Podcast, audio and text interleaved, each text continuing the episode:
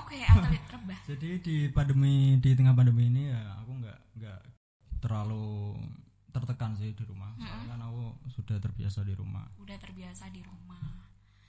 Dan eh, selain rebahan itu ngapain aja? Oh, aku baca buku. Baca buku juga. Oh ya, aku lagi nulis bed loh. Oke, gimana tuh? Gimana sih aku re- rebahan tapi masih bisa tetap produktif gitu loh. Jadi aku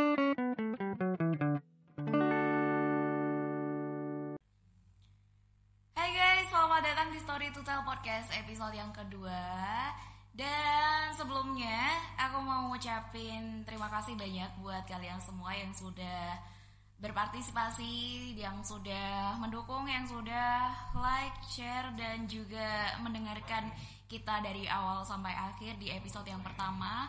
Balik lagi sama aku Nisa Aulia yang bakal nemenin kalian selama kalian di rumah aja. Semoga kalian nggak bosan-bosan dengan wajah saya dan juga konten yang kami berikan. Soalnya gimana pun juga kami pengen tetap produktif ya selama kita menjalankan eh, himbauan dari pemerintah untuk tetap di rumah aja. Nah, akhirnya kita eh, mikir nih gimana caranya bikin konten di special thing lagi yang tentunya bisa menghidupkan dari apa ya? eh, media sosial yang ada di angkatan. Dan untuk episode yang kedua ini, aku nggak sendirian lagi dan aku ditemanin sama sosok pria. Pria. aku eh, nyebut nama pria aja udah kayak langsung kegoda gimana gitu. Wajar ya, soalnya aku wanita dan eh, temen aku yang aku hadirkan pada episode kali ini nih juga teman kita ya tentunya satu angkatan gak jauh-jauh dari anak IPS dia ini dulunya rambutnya biasa aja sekarang gondrong. Dan dia suka mendaki dia konten kreator juga di media sosial. Langsung aja kita sambut ini dia Udin. Hai. Hai Udin. Hai itu apa kabar ini? Nggak baik-baik saja. ah nggak baik-baik saja kenapa? Ya karena kan di pandemi ini kan kita tahu bahwa kuliah kan juga libur. oh iya Jadi uang juga ikut libur. Ah, iya iya iya iya iya masuk juga sih sama kayak katanya Zula kemarin ya. Dan ah, kayaknya aku udah lama banget deh gak ketemu sama kamu. Lama banget anjir, beneran. Dari kapan? Dari berapa ya? Dari kapan? Dari beberapa bulan yang lalu sih. Beberapa bulan yang lalu gak ketemu ya. Pak. Ya kan masih bahas tentang konten kan. Mm-mm. Terus kamu kesibukannya selama di rumah aja ini ngapain aja di? Aku kebetulan atlet terbahan ya. Mm-mm. Atlet terbahan aku. Oke atlet rebah. Jadi di pandemi di tengah pandemi ini ya aku nggak nggak ke, ke- terlalu tertekan sih di rumah. Soalnya kan aku sudah terbiasa di rumah. Udah terbiasa di rumah. Dan eh, selain rebahan itu ngapain aja? Oh, aku baca buku. baca buku buku Nulis. aja yang lagi Ah. kamu baca Apa ya? Mas banyak sih aku ba- baca-baca di Wattpad soalnya. Kalau buku kan short stoknya sudah habis. Mm-mm. Kebanyakan sudah ter yang buku-buku yang lama itu sudah tertinggal di kontrakan di Surabaya sekarang. Dan sekarang masih cuma baca-baca di Wattpad. di Wattpad Oh, Iya, yang penting baca Yang ya penting baca. entah itu di eh, buku mentah maksudnya buku dalam kondisi fisik ataupun lewat ebook juga oh ya aku lagi nulis Wattpad loh. oke gimana tuh nulis apa Nulisnya ya sinopsisnya sih tentang seorang mahasiswa Heeh. bekerja di suatu barista kan dia menjadi yang dia menjadi barista. oke barista itu yang bikin kopi Dia bikin kopi ya. sebentar aku kan bisa bikin kopi nih bikin kopi saset itu udah bisa disebut sebagai barista belum nih Belum sih belum. Oh belum ya? kan tadi katanya barista itu yang bikin kopi. Ah, Ya, nggak salah dong. itu menjual kopi bukan barista. Menjual kopi. Oke oke oke baik. Ngapunten ngapunten ngapunten ya. terus terus seorang Ya, mahasiswa. ma- masih masih proses sih cuma belum belum diupload semuanya. Mungkin baru sa- satu episode ya. Masih masih saya- Satu part gitu Oh, ya. Satu part belum aku selesaikan semuanya. Masih di laptop belum semuanya saya upload. Terus untuk eh, pembacanya gimana sejauh ini? Kamu bagikan ke siapa aja cerita-cerita kayak gitu? Oh, promosi ini cuma aku taruh di bio Instagram yang bisa dicek di Instagramnya Pijar Jangan lupa dicek ya. Pijar Harap Bicara harap. oh ya ini Pijar Harap ini punya filosofi yang mungkin anak-anak pada bertanya sih kenapa kok, kok awalnya underscore Udinur 19 Heeh. menjadi Pijar Harap? Oke, itu kamu. jadi awalnya itu Pijar Harap itu berasal dari namaku. Kan awalan kata kata nama kata namaku kan Nur kan berarti cahaya. Mm-mm. bisa dikategorikan dengan sinar. Dan sinar itu seperti pijar kan? Mm-mm, iya. Dan yang harap itu seperti kan seperti arti namaku yaitu Udin yang berarti kan pemimpin Oke. seperti itu kan seperti harapan kan ya Ya, eh, yang Bisa diharapkan kan ya. sama orang tua kamu ya Ah. ketika kamu dikasih nama tersebut. jadi ya ketika aku mem- mem- memberikan nama sesuatu pasti ada alasannya kenapa bukan karena sosokan Indian ke Indian Ke Aduh, India. aduh, aku aku justru aku bener-bener kesel kalau aku dicap sok indie lah Iya, apalah aduh Aku pribadi juga kayak gitu sih Din. Gimana ya? Seharusnya di aduh kayak jadi anak indie nih itu kan kayak gitu lagi. Maksudnya di suasana senja itu favorit aku banget. Soalnya biasanya aku kalau senja menjelang mau maghrib kayak gitu tuh biasanya aku baca buku depan rumah. Kalau nggak gitu di taman dulu biasanya pas pulang kuliah. Kalau nggak gitu pulang kerja dan suasana kayak gitu tuh emang asik banget gitu loh. Tapi disangka itu indie banget loh tapi itu indie banget kata Indie anak. banget. oh, indie banget oh anak senja Anak senja enggak sih, aku anak bapak sama ibu. tapi bener-bener senja itu bener-bener asik loh Heeh. kemarin sih ada aku kan lagi lagi keluar sama seseorang nih Seseorang, seseorang. Siapa sih Din? Ya ampun, udah lama gak ketemu udah langsung main seseorang aja. sebut saja dia Z eh Z mawar aja sih mawar. Oh mawar, berarti cewek ya, seorang wanita. dia bertanya tentang apa apa sih senja menurutmu? Terus aku berpikir loh apa sih senja? Di situ aku merasa nyaman aja sih. Cuma kan posisinya kan aku lagi bersama cewek nih. Mm-mm. gimana caranya aku langsung spontanitas merancang kata-kata yang langsung kena di hati. Aduh, dan mungkin aja ini sos- eh, sosok wanita tersebut nonton ya nanti kalau nggak nonton ya dengerin. insya Allah insya Allah Kemungkinan gak sih? Masih nggak sama sekarang? enggak sih enggak enggak Kok enggak? Yaudah. Salah, mungkin enggak sejalur aja Oh nggak sejalur. Ya ya ya ya. dia di jalur Palestina kan Lagi perang dong.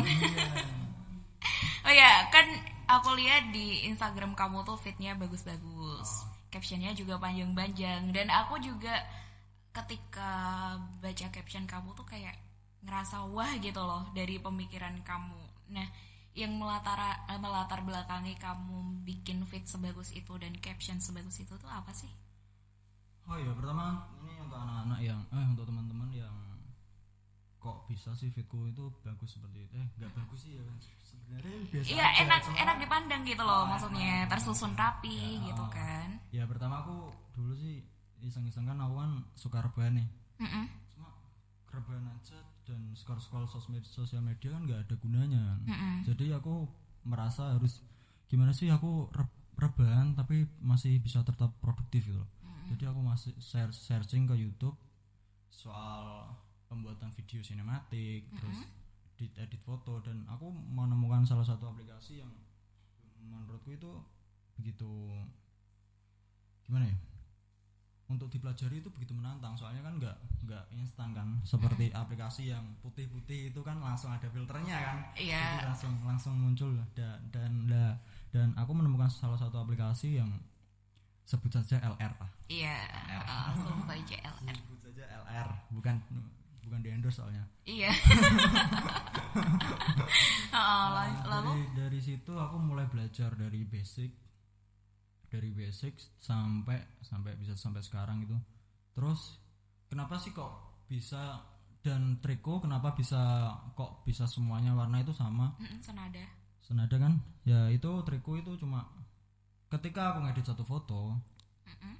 feel up- apa itu Preset. presetnya presetnya tuh sim- aku simpan Hmm, dan diaplikasikan. next, terus diaplikasikan ke yang foto yang lain cuma kan habis itu kan emang sih foto yang lain sama foto yang sebelumnya itu kan komposisinya kan berbeda jadi kan Iya. editannya berbeda jadi Heeh. tapi kemudian pas foto yang selanjutnya ini dipakai preset bagaimana cara biar sama itu cuma ngatur sedikit sah ngatur sedikit aja nggak nggak terlalu ribet kayak awalnya dan kenapa sih kok kok aku nulis caption panjang-panjang Mm-mm. itu eh, termasuk hobi hobi sih gimana sih caranya aku mau gimana ya? Untuk menuangkan hobi itu kan sangat sulit kan ya? Mm-mm. apalagi di tengah pandemi ini hob- hobi menulis ini sangat sangatlah gimana ya? Kan aku kemarin sempat nonton tentang revolusi industri. Di situ aku mulai berpikir bahwa konten kreator beberapa tahun kemudian mungkin mereka bakalan berada di puncaknya itu loh. Soalnya kan dan mulai dari pandemi ini kan kita kan di dilatih untuk tetap di rumah saja dan nggak mau ngapa-ngapain. Jadi pilihan semua orang kan tetap handphone. Oke. Dan yang paling aku jengkel kok setiap aku ngupload nih di Instagram atau foto caption panjang dan ada tagar, ada Uh-uh. tagar. Aku melakukan itu itu bukan tuh, bukan karena apa ya?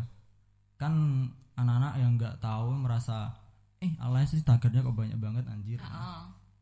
Cuma di situ aku merasa aku itu ada alasan kenapa aku memakai tagar banyak agar kalau kalau aku gak memakai tagar postinganku nggak akan sampai ke luar selain followersku itu di kolom pencarian jarang muncul Iya. Jadi aku berinisiatif pakai tagar itu untuk postinganku itu agar muncul di yang Semuanya. pencarian lain semuanya juga di pabrik semuanya juga selain di followersku doang gitu loh Iya. jadi bukan karena alay lah anjir ah. what the fuck man weh. Dan sebenarnya tagar itu emang berfungsi banget sih. Soalnya aku juga pernah eh, apa ya merasakan dampak dari penggunaan tagar tersebut. Apalagi buat kamu ya konten kreator dan juga buat eh, pemasaran-pemasaran produk melalui sosial media itu bermanfaat banget. Jadi ya nggak ada nggak ada yang salah dari tagar tersebut dan kamu kemarin juga pernah komen di postingan aku nggak sih? Ya. Yang Iya, Pak. aku gimana ya aku lupa pokoknya ngebahas tentang tagar itu Oh, kenapa sih aku selalu komen di Instagramnya anak-anak itu mungkin kan kita kan selalu dipelajari tentang menghormati, tapi bukan menghargai. Oke. Sedangkan menghormati dan menghargai itu beda. men. sangat berbeda iya Contoh gini ya, nah, menghormati itu ketika kita ketemu orang tua langsung salaman itu menghormati, bukan menghargai kan. Mm-mm. Kalau menghargai itu lebih ke ada contoh teman kita ada yang cover kan, wih bagus banget. Itu kita komen seperti itu itu mem- memberikan efek atau memberikan dampak yang cukup signifikan lah untuk untuk yang di komen itu biar mereka lebih antusias lagi untuk berkarya.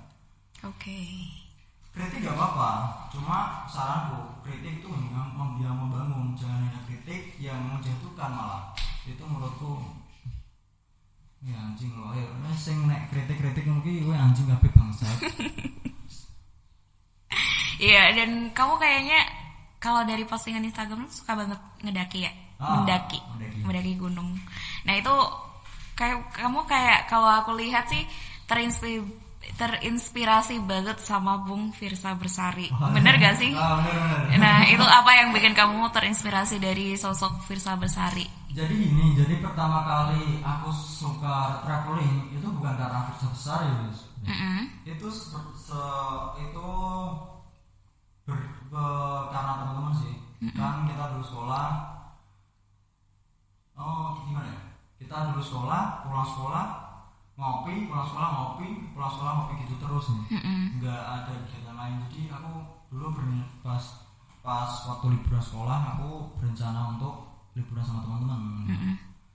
Itu sebenarnya kan kita tahu kan awal-awal kita kita berencana untuk liburan itu 10 orang. Oh. Kan di negeri ini kan sebuah wacana itu selalu terrealisasi, eh, terrealisasikan kan Mm-mm. wacana jadi pertama kali itu 10 orang dan di hari H itu hampir semuanya nggak ikut hampir semuanya nggak ikut hampir semua dan aku sama Ari temanku satu kelas itu yang Oh, oh, Ari Pranata. Oh, oh. Hai, Ya. Ari. yang sekarang di Jepang Heeh, terus aku tanya gimana chat dia kan heeh. Gimana Ar? Ini anak-anak gak bisa diikut semua. Terus terus Ari bilang pokoknya kudu pokoknya kudu Buddha pokoknya kudu Buddha Mau nggak mau ya? mau nggak mau harus harus, Harus berangkat. soalnya kita aku nggak kita berdua kan ber, punya motivasi bahwa jangan sampai kalau ada rencana itu hanya wacana. Mm-mm. jadi gimana pun berapa orang pun harus berangkat. Jadi aku sama Ari itu berkomitmen harus tetap berangkat. Dan ya memang beberapa anak masih bisa ikut. Jadi pas keberangkatan itu enam orang enam orang nggak salah aku Sikur Kitik terus Dani sama Ari sama Pras PS4 eh PS2 PS2 Oh, itu kan aku berangkat itu jam satu malam. Jam satu malam. malam. Aku berangkat itu jam satu malam dari rumah Mm-mm. terus sampai Malang jam eh, jam subuh eh jam empat aku sampai Malang jam empat Mm, menjelang Jam subuh. Nah, menjelang subuh tidur di situ di tidur di hotel merah putih Mm-mm. yang bisa kita sebut pom Iya. Oke, pom gitu di situ kita cuma ada musola kecil kan Mm-mm. musola kecil kita semua tidur sana dan pas datang subuh Heeh. diusir Diusir. diusir diusir diusir secara tidak baik-baik tidak Ya. baik ini tempat sholat mas bukan tempat ibadah ya. eh Tempat sholat bukan tempat ibadah. Tempat sholat bukan tempat tidur. tempat sholat bukan tempat tidur ya Heeh. eh, ya ya mau gimana lagi soalnya kan kita kan ini kan perjalanan untuk pertama kalinya Heeh. kita masih bingung soal survive atau gimana cara tidur gimana pun kita nggak berpikiran seperti itu cuma gimana sih kita nyampe sana Mm-mm. dan dari sana kok terus kok asik sih? Traveling kok asik sih ya. Terus akhirnya aku searching di YouTube kenapa aku bisa suka Versa Besari Versa Besari itu Mm-mm. dari channel Suara Aksara yang digagas oleh tiga pemuda yaitu Versa Besari, Wiraga- Wiranegara dan Panji Wasis Mm-mm. dan itu sebelumnya saya belum kenal Versa Besari itu siapa siapa penulis atau apa belum kenal. Cuma saya kenal cuma dari channel Suara Aksara itu. Kan mereka kan me- menikmati alam Indonesia itu dengan puisi dan dengan bermusik kan. Jadi ah, Indonesia keren. Aku eh, antusiasku untuk berkecimpung di dunia itu tuh langsung membludak lah Langsung termotivasi Ah, gitu langsung ya. termotivasi bagaimana aku bisa menikmati alam Indonesia ini kan kita tahu bahwa sumber daya alam Indonesia kan sangat berlimpah kan Mm-mm. cuma sumber daya manusianya ada yang rada ini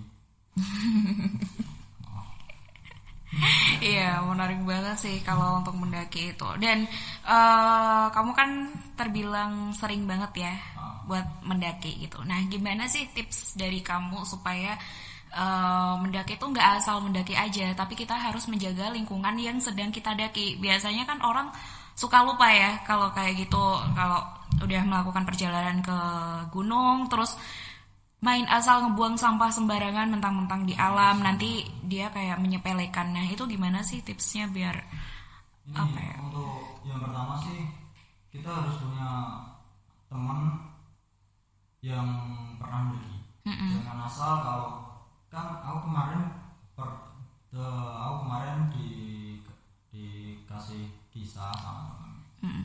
dia habis mendaki di salah satu gunung di Jawa Tengah Merbabu. Mm-mm. itu salah satu dari mereka itu hampir semua bukan hampir sih ya emang semuanya belum pernah mendaki gitu loh. Ya mereka nekat.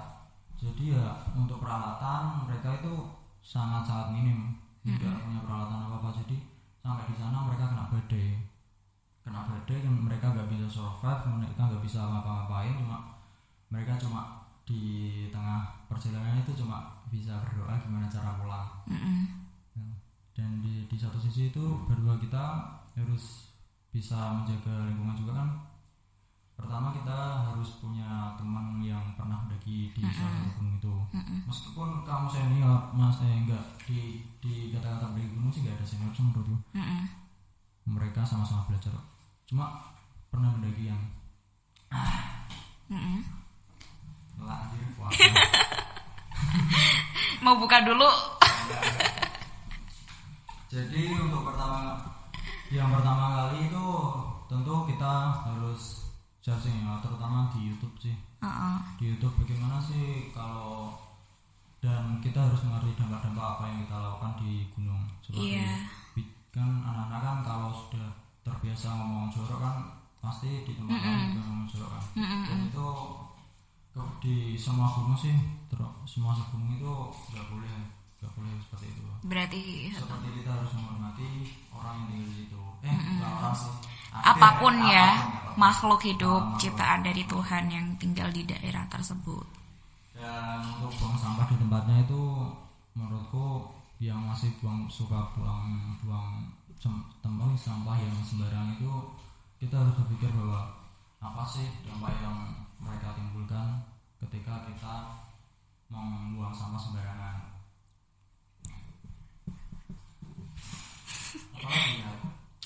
Kurang lebih kayak gitu ya Oh, pada umumnya. Nervous, santai lah kan juga sama aku kayak sama siapa aja.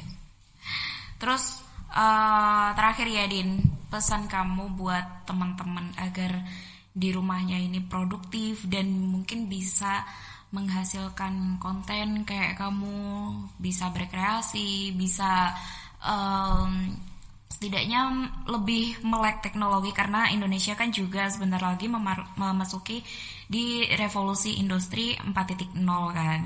Nah, itu menurut kamu gimana sih pesan kamu buat teman-teman kita gitu? Jadi pesan aku ya untuk yang suka menulis itu kan udah disediakan di aplikasi-aplikasi yang seperti Wattpad, terus untuk yang cover atau yang suka bernyanyi atau bercerita itu kan juga di YouTube, Instagram juga ya banyak sih yang bercerita di Instagram. Iya. Kalau yang suka podcast ya ya bisa dimanfaatkan untuk Spotify-nya Mm-mm. ya kan di era era aku kemarin era era era revolusi industri kan? Mm-mm. aku baca baca dan aku searching gimana sih revolusi industri itu berjalan? Bahwa revolusi industri berjalan itu ketika semuanya orang itu bermalas-malasan dan konten- kon- dan konten kreator itu malah ke puncaknya. Soalnya kan kita malas untuk keluar. Soalnya kan dengan dengan adanya HP kita bisa mengakses apa pun kan? Mm-mm. Nah, itu, itu sih pesanku. Soalnya nervous. Mungkin aku bisa berbicara banyak lagi di belakang kamera. Santai aja. Oke, by the way, makasih banyak Udin udah mau gabung sama podcast kita di episode yang kedua ini. Semoga kontennya tetap jalan terus ya ke depannya. Semoga eh, terus mendapatkan support, dukungan dari teman-teman juga atas hobi yang sedang kamu tekuni. Dan terakhir teman-teman, terima kasih banyak udah menyaksikan dan juga mendengarkan podcast di Story to Tell. Terima kasih eh, jika kalian memiliki ide atau unek-unek jangan sungkan-sungkan langsung aja masuk di DM-nya at specialthing.2k18 dan aku Nisa pamit undur diri. See you next time guys. Dadah